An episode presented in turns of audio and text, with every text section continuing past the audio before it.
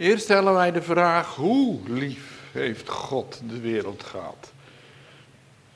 Het is goed om die vraag te stellen, want wij hebben zo onze eigen gedachten over de liefde van God. Ik zou het u eigenlijk allemaal willen vragen. Waar blijkt in uw leven de liefde van God? Of waar blijkt in de wereld waarin wij leven de liefde van God? En u weet natuurlijk wel, en misschien dat u zichzelf dat ook wel eens afvraagt. Hoe kan Gods liefde bestaan als je dan denkt aan al die verschrikkelijke dingen die er gebeuren? En ook verschrikkelijke dingen die we zelf meemaken. Is dat te rijmen met de liefde van God? En dan bestaat het gevaar dat wij, uh, vinden die teksten natuurlijk allemaal heel mooi, al zo lief heeft God de wereld gehad. Nou, er bestaat het gevaar dat wij uh, het leven in twee vakjes gaan opdelen, als het niet nog meer vakjes zijn. En het ene vakje, dat is dan van de zondag, hè? dat is van de kerkdienst, en daar hebben we het over al zo lief heeft God de wereld gehad, dat hij zijn enige geboren zoon gegeven heeft. En dat andere vakje, dat is het leven van elke dag. Dat is het leven van de maandag tot en met de zaterdag, waar van alles en nog wat gebeurt. Nou, we weten dat dat natuurlijk ook op de zondag gebeurt. En dan, ja, dan leven wij eigenlijk twee levens. Het leven van de zondag en het leven van de andere dagen van de week. Ja, die andere dagen van de week gebeuren er allemaal verschrikkelijke dingen. En we hebben dat min of meer geaccepteerd, of we hebben daar soms heel veel moeite mee. Maar dat staat dan los van wat we op de zondag mogen horen, wat we ook in de Bijbel mogen lezen. Al zo lief heeft God de wereld gehad, dat hij zijn enige geboren zoon gegeven heeft, opdat een ieder die in hem gelooft niet zal verderven, maar het eeuwige leven hebben. Maar het is goed om dat toch die twee levens samen te voegen. En ons af te vragen, waar blijkt nu de liefde van God? En dan zijn wij toch allemaal, ik net zo goed als u, een beetje geneigd om die liefde vooral te zien in voorspoed, in welvaart, in gezondheid, in kracht, in werk. En als we in ieder geval maar, als ze het moeilijk hebben, wat ondersteuning van de Heer krijgen. Maar, ja, als ons hele erge dingen overkomen, dan hebben we daar toch wel wat moeite mee. En dat heb ik net zo goed als u hoor. Moet u niet moet u niet denken dat ik, daar met, dat ik met dat soort vragen niet zit. Daarom stel ik ze ook aan de orde, niet alleen maar voor u, maar ook voor mezelf. Hoe uh, is uh, al die, die nood die er is in deze wereld en uh, ook in ons eigen leven te rijmen met wat in een van de brieven van de apostel Johannes staat: God is liefde. Daarom dringt de vraag, hoe lief heeft God de wereld gehad? Hoe lief heeft God de wereld gehad? Nou, het antwoord vindt u in de tekst, want al zo lief heeft God de wereld gehad, dat hij zijn enige geboren zoon gegeven. Dat is kerst. Want deed uit zemels tempelzalen op aarde u nederdalen, uw grote liefde alleen. En daar wil ik het met u over hebben. De engel verkondigt aan de herders, ziet ik verkondig u grote blijdschap die voor het hele volk bestemd is, namelijk dat u heden geboren is de zaligmaker, welke is Christus, de Heer de stad van David. Kerst zegt ons, God gaf zijn zoon. Maria legde neer in de kribbe, omdat voor hem geen plaats was in de herberg. Bij alles wat, je, wat er in Bethlehem is gebeurd, mag je bedenken, God gaf zijn zoon. En daar kan je niet lang genoeg bij stilstaan. God gaf zijn zoon, zijn enige geboren zoon.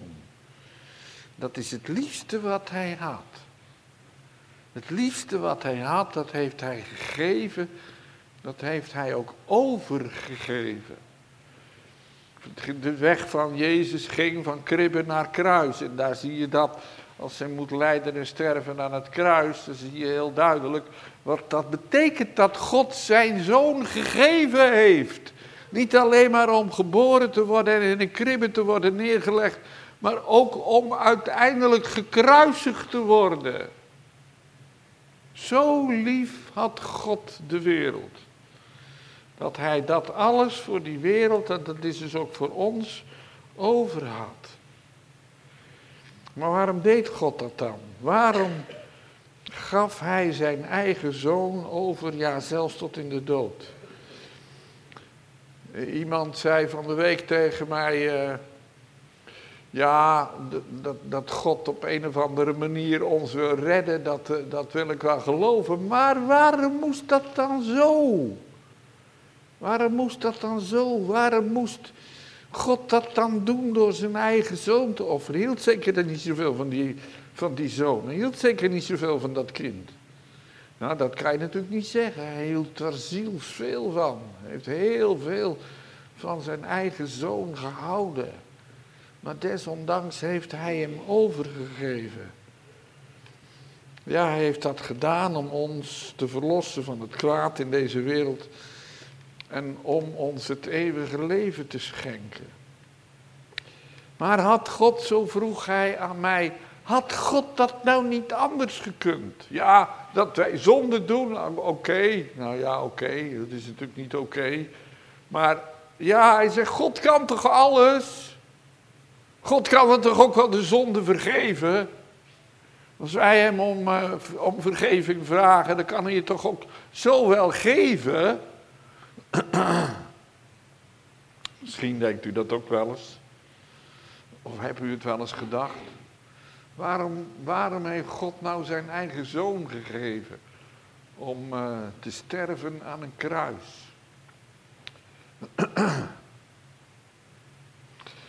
Ja, van de week kwam dat natuurlijk weer in het nieuws. Dat er uh, uh, een Iemand die een meisje van 16 jaar had achterna gezeten, had wel een relatie met haar gehad. En uiteindelijk, uh, ja, zij heeft die relatie verbroken, maar hij ging weer achterna, heeft er gestalkt en uh, heeft er bedreigd enzovoort. En uiteindelijk heeft hij er dan doodgeschoten. Een meisje van 16 jaar, dat is natuurlijk een drama. En uh, van de week heeft de rechter hem veroordeeld tot 14 jaar gevangenisstraf wegens doodslag. Nou, de familie kwam daar mordicus tegen in opstand, tegen, veroordeeld wegens doodslag. Hij heeft ze vermoord, zeiden ze.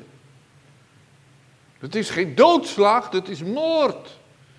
Ja, dat was niet bewezen dat het met voorbedachte raden was. En ze zeiden, toen nou, ik kan nou zeggen, niet met voorbedachte raden, heeft het van tevoren allemaal uitgedacht en hij heeft er bedreigd tot en met.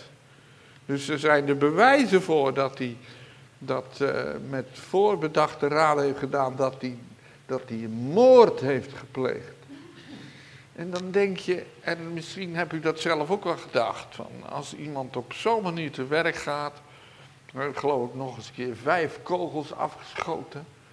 Als iemand zo te werk gaat, dan kan dat toch niet ongestraft blijven. En dan moet je dat toch niet bagatelliseren. En dan moet je toch niet zeggen, nou ja, hij heeft, er, uh, hij heeft geen moord gepleegd, maar hij heeft de dood geslagen. Waarom reageren wij zo? Niet alleen maar die familie. Dat is ons rechtvaardigheidsgevoel.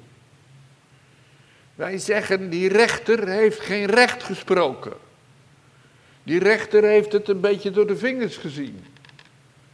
Dat is, uh, dat is niet zoals we dat mogen verwachten.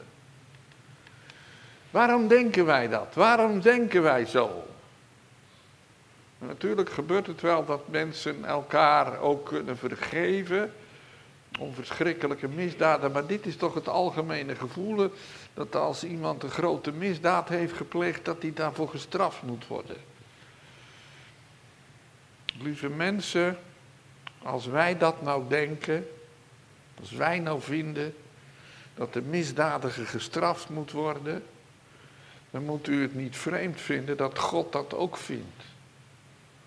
God vindt ook dat de misdadiger gestraft moet worden. En God is niet iemand die de zonde goed praat. Eh, God is niet iemand die zegt van, nou ja, ik heb wel een moord gepleegd, maar ja, vooruit maar. Er gebeuren wel meer erge dingen, dus ik, ik zie dat wel door de vingers. Zo vergeeft God niet. Ja, maar hoe dan wel? God heeft er, zoals wij een rechtvaardigheidsgevoel hebben, dat heeft God ook. Maar ja, we hebben in de tekst gelezen, al zo lief heeft God de wereld gehad. Wat heeft dat nou met elkaar te maken? Kijk dit. God wilde de zonde niet ongestraft laten. En hij heeft van eeuwigheid af al gevraagd: is er iemand die zich wil opofferen, die de plaats van zondige mensen wil innemen? Om voor die zondige mensen te lijden en te sterven. En toen heeft de Zoon van God, Jezus, die al bij de Vader was, voordat de wereld werd geschapen, voordat wij werden geschapen, toen heeft Jezus gezegd tot zijn Vader, zie ik kom, o God, om uw wil te doen. Jezus heeft zich van eeuwigheid af al bereid verklaard om die weg te gaan. En de Vader heeft dat geaccepteerd. De Vader heeft dat verbond met zijn zoon gemaakt dat Jezus in onze plaats zou lijden en sterven. En waar komt dat nou vandaan? Dat komt uit zijn liefde voort.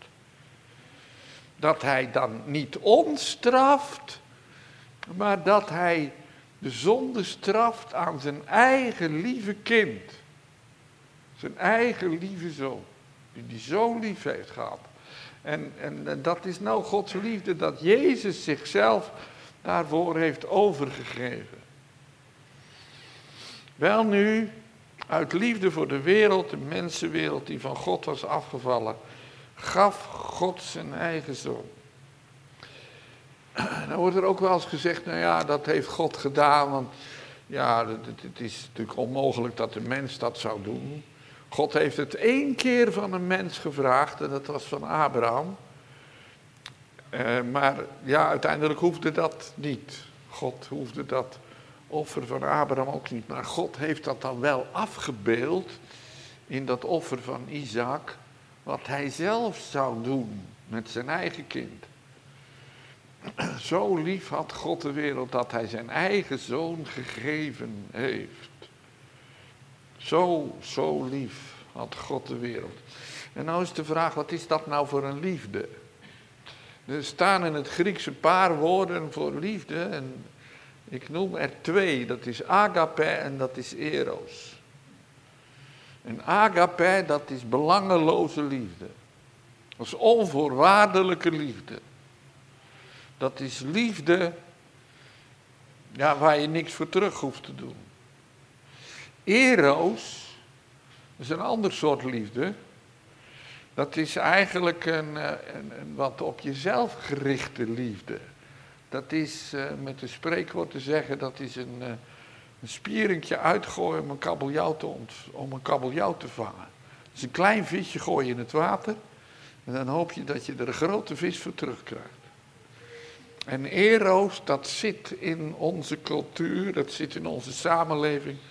En dat zit ook ja, in de verhouding tussen mensen onderling. Voor wat hoort wat, zeggen wij dan. Of het is een kwestie van geven en nemen. Als jij dit geeft, dan geef ik jou dat. Geef ik dan wat voor terug. En dat kan ook in huwelijken wel zo het geval zijn. Voor wat hoort wat. Ja. En, en voordat je het weet, dan verzandt dat huwelijk in een CAO-verhouding. Dan uh, wordt het uh, precies, uh, ja, voordat we het weten gaan we het ook nog op schrift stellen.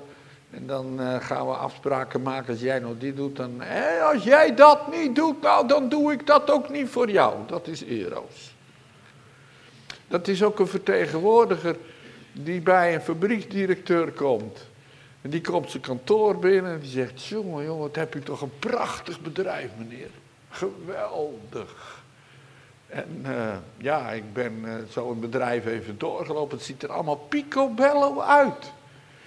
En uh, ja, ik heb met, met uw personeel een praatje gemaakt en zo. Ik mag u gelukkig prijzen dat u zulk personeel hebt. Nou, die, die, die directeur die vindt dat natuurlijk geweldig dat hij zo door die vertegenwoordiger geprezen wordt. Maar daar zit natuurlijk wat achter, hè? Want die vertegenwoordiger die wil een order in de wacht slepen. En die zegt uh, vervolgens tegen die directeur: Ik heb een geweldige aanbieding voor u. Dat en dat kunt u van mij krijgen. Nou ja, moet er natuurlijk wel voor betalen. Maar uh, dat zou ik nou maar doen. Ja, nou, en als die directeur daar dan op ingaat, dan uh, krijgt die vertegenwoordiger voor zijn hoffelijke benadering van de directeur een heleboel terug. Dat is eros. En wat heeft God nou gedaan? God gaf zijn eigen zoon. Was dat om er wat voor terug te krijgen? En dan moet ik u zeggen, nee. God gaf zijn eigen zoon uit enkel liefde om ons te redden van zonde, duivel en dood. Om ons het eeuwige leven uit genade te schenken. Maar hij wil er wel van voor terug hebben. En dan zeg ik u nee. Zo groot was zijn liefde. En zo mag u nou vanmorgen bij de kribbe komen. Zo mag u dat kind in de kribbe, de zoon van God, zien die daar is neergelegd. En daar mag u Gods grote liefde in bewonderen. Dat God zijn eigen zoon gaf om in onze plaats te lijden en te sterven. En hij hoeft er niks voor terug te hebben. En dat zeg ik nog eens een paar keer. Want het grote misverstand, ook bij het kerstevangelie en bij het kruisevangelie, is dat wij gaan denken, nou hij heeft God zoveel gegeven en dan wil hij er natuurlijk wel over terug hebben. Ja, dan moeten wij heilig gaan leven, dan moeten wij heel netjes op gaan passen. We moeten een heleboel goede werken doen en we moeten lief zijn voor elkaar. En, nou ja, en voordat we het weten, dan gaan we daar onze zaligheid op bouwen. En dan denken we, en dat heb ik natuurlijk vaak toch ook mensen horen zeggen. Ja, als er eh, iemand is overleden, ja, dominee, mijn vader, dat was zo'n goede man. Mijn vader, die deed nooit iemand kwaad. En mijn moeder, nou, die heeft altijd heel goed voor het gezin gezorgd. Mijn moeder was uh, heel zorgzaam. Ze stond altijd voor ons klaar. Ze is altijd bereid om alles te doen. Ja, nou ja, dan komt de conclusie natuurlijk. Zo'n moeder, daar komt het zeker wel goed mee. En zo'n vader, daar komt het zeker wel goed mee. En dan ondertussen doen wij ons best om ook zo te leven voor anderen. En, en dan zeggen we, geven ieder het zijne en we doen niemand kwaad enzovoort. En daar gaan we dan onze zaligheid en het eeuwige leven op baseren. En dat denken we dus diep in ons hart. Die liefde van God, dat is eros. We willen wat voor terug hebben. Maar dan heb je de liefde van God nooit geproefd.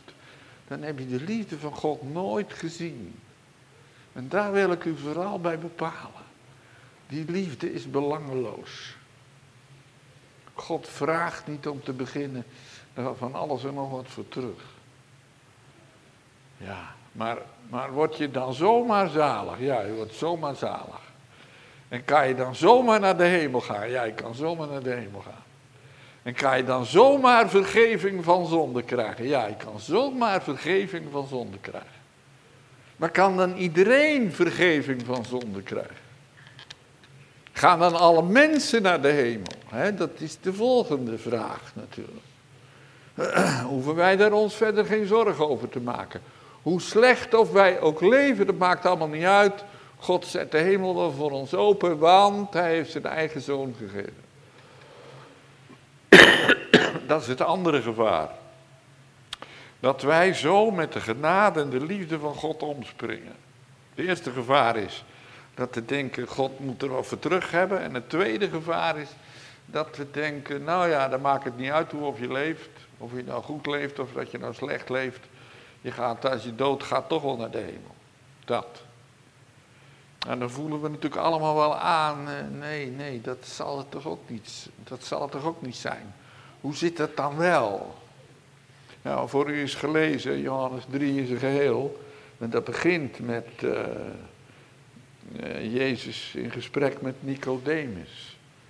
En Jezus zegt tegen Nicodemus, tenzij iemand wederom geboren wordt, ik kan het koninkrijk van God niet zien. En als je niet van boven geboren wordt, dan kan je het koninkrijk van God niet binnengaan.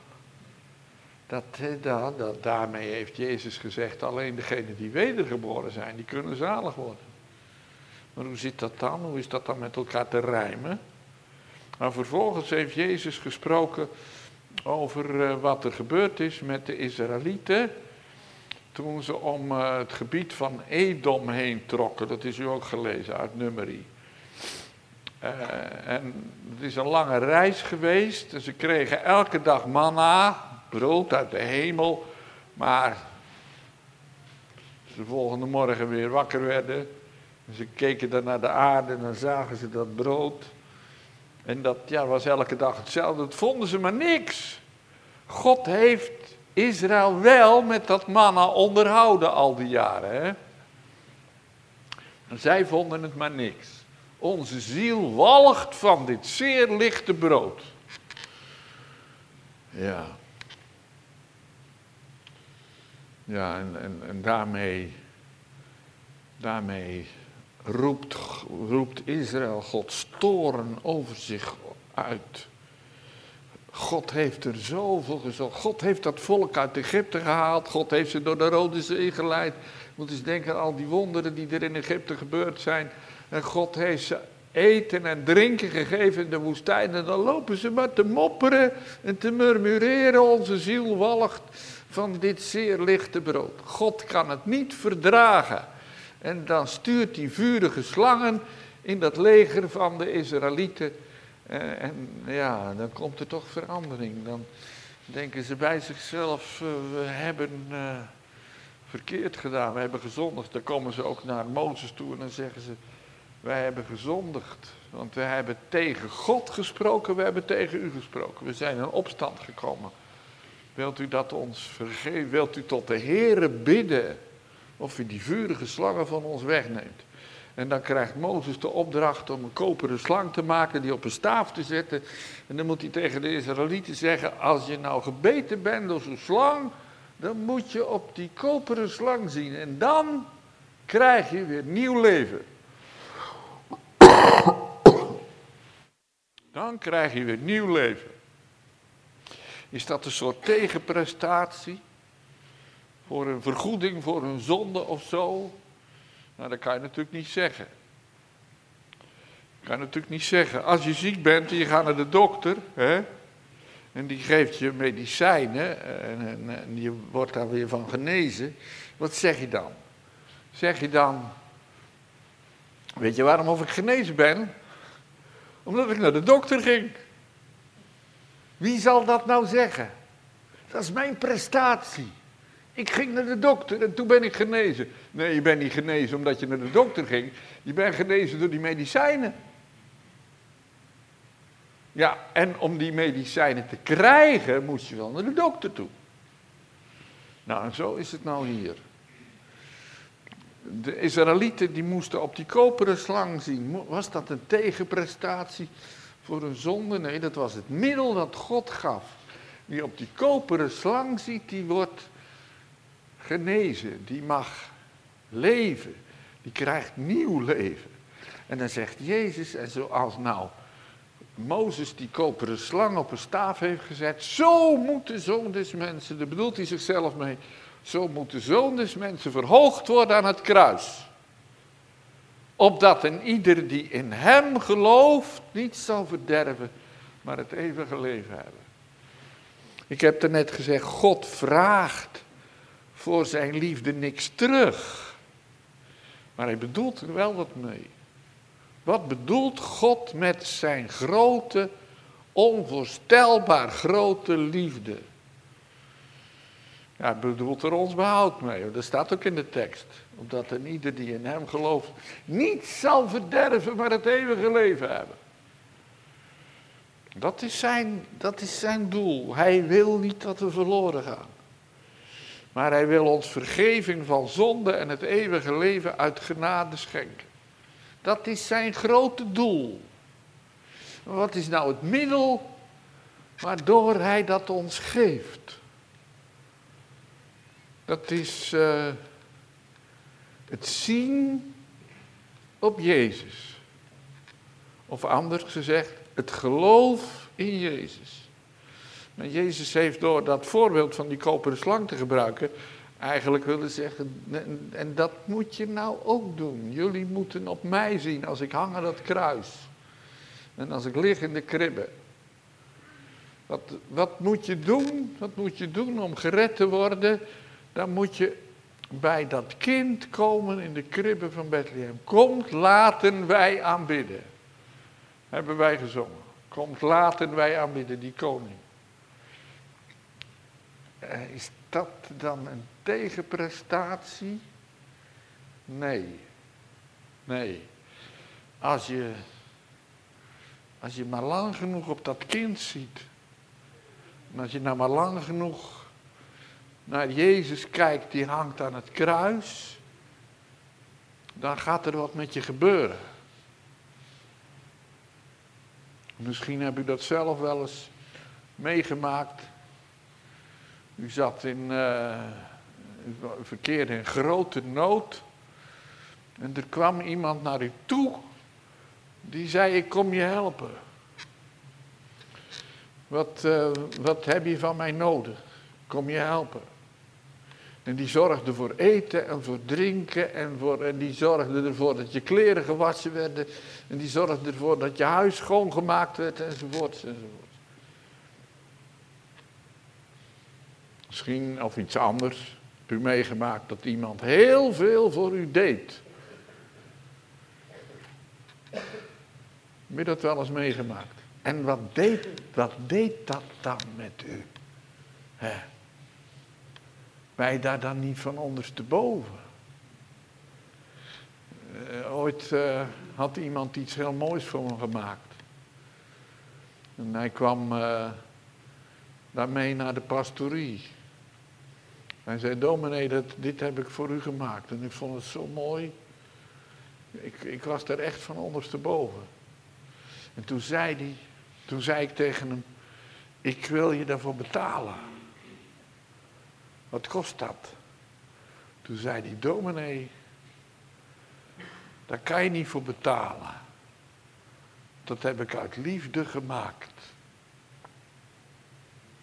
En zo is het nou met, met kerst. En met de komst van de Heer Jezus. Je hebt misschien de neiging om daarvoor te betalen. maar dan zegt de Heer, daar kan je niet voor betalen. Want dat heb ik uit liefde gedaan. En dat kan je ook niet vergoeden. Maar als dat echt tot je doordringt, hoe groot die liefde van God is, dan word je daardoor een ander mens. Dan word je, zo staat in Johannes 3, dan word je daardoor wedergeboren. Net als die Israëlieten die keken op die koperen slang. Die werden daardoor wedergeboren. Die kregen een nieuw leven. Van tevoren was het een, een, een leven vol murmureringen en mopperen en, en, klagen en kermen en schelden. En zo, maar toen ze, toen ze op die koperen slang keken en ze genezen werden, ze leven kregen, toen werden ze een ander mens. En zo is het nou, zo is het nou Met, de, met dat zien op de Heer Jezus. Als je op de Heer Jezus ziet, dan word je een ander mens. Dan word je een nieuw mens. En dan, ja, dan gaat je hele leven op zijn kop. Ik denk aan Zacchaeus. Jezus haalde hem uit de boom. Het was een tollenaar. Het was een gierigaard. Hij haalde alles naar, naar zichzelf toe, wilde voor zichzelf leven. Maar ja, toen hij met Jezus in contact kwam, toen werd hij wedergeboren. Met die nieuw mens. En toen ging hij. Toen zei hij, uh, ik zeg het nou maar even kort. Toen zei hij, de helft van mijn goederen geef ik aan de armen. Wat ik door bedrog ontvreemd heb, dat geef ik vierdubbel weer. En hij ging, de volgende dag ging hij naar de mensen toe. En hij belde aan bij de mensen. En ze kenden hem natuurlijk wel, hè. Zacchaeus, de tollenaar, die kwam altijd wat halen. En hij stond aan de deur en ze zagen hem aankomen. Toen zei ze, Zacchaeus, wat kom je doen? Kom zeker weer wat halen. Nee, ik kom wat brengen. Hè? Ik kom wat brengen. Ja, ik heb je wat afhandig gemaakt en dat kom ik je teruggeven. Dat. Nou ja, dat, hebben ze van, van hun levensdagen natuurlijk nooit gehoord. Hij werd een ander mens. En de helft van mijn goederen geef ik aan de armen. Nou, dat soort dingen gebeuren, lieve mensen, als je bij de kribben van Bethlehem komt. En je ziet dat kind, wat deed uit hemels tempelzalen op aarde u nederdalen. Uw grote liefde alleen. En als dat tot je doordringt, dan word je wedergeboren, dan word je een ander mens. En dan ga je vragen, ja, heren, wat wilt u dat ik zal doen? En dat is niet om het terug te betalen, maar ik wil u dienen. Ik wil voor u leven. En dat is geen opgave, dat is geen uh, zware last. Dat is dan van, oh, moet ik dat dan ook nog doen? Nee, dat gaat vanzelf. En als je soms denkt bij jezelf, ja, bij mij gaat dat niet vanzelf. Ik heb er soms al heel veel moeite mee. Dan heb je nog niet lang genoeg naar het kind gekeken. Dan heb je nog niet lang genoeg naar de gekruisigde Christus gekeken. Daar moet je op zien. Dan noem ik één voorbeeld, dat is nog niet zo lang geleden gebeurd. En dat is dan, ja, bij wijze van illustratie, dus een tijdje geleden is er een, uh, een seriemoordenaar veroordeeld in Amerika. Die had twintig jonge vrouwen verkracht en vermoord. En de moeders van die vrouwen, die waren allemaal in de rechtbank en die hadden een verhaal gedaan. De rechter had ze, die twintig moeders uitgenodigd om een verhaal te vertellen. Maar er was er één die kwam op het laatst en kennelijk wist de rechter daar al wel van. Nou, die eerste negentien die gingen voor die moordenaar staan. Die zij zat in een glazen kool, want anders hadden ze hem gelinst natuurlijk. Hè? Maar die ging voor die glazen kooi staan. En uh, die zei, als ik je in mijn vingers krijg, dan zal ik je vermoorden, dan zal ik je villen. En dan zal ik je heel langzaam villen. Om, om je terug te geven wat je mijn dochter hebt aangedaan. En dan kwamen er nog veel meer scheldwoorden. Nou, dat waren de negentien getallen. Niet de een zei dit en de ander zei dat. Maar dat had allemaal te maken met dat rechtvaardigheidsgevoel. En toen kwam die laatste en die ging voor hem staan. En bleef even stil. En toen zei ze, ja, het ontroerde mij, dat weet ik nog, toen ik het zag. Ik heb je vergeven. Ik heb je vergeven. Want ik heb Jezus horen bidden. Vader, vergeef het hem. Want ze weten niet wat ze doen. Daarom heb ik jou vergeven. Want God heeft mij mijn zonde ook vergeven. Daarom heb ik jou vergeven. En, en, en, en, en ik heb gemerkt, ik heb jaren gehad dat ik haat koesterde. En, en ik heb gemerkt, haat verteert de mens. Ik dacht altijd met die haat verteer ik jou. Nee, zei ze, ik heb niet jou ermee verteerd, ik heb mezelf ermee verteerd. Haat verteert de mens.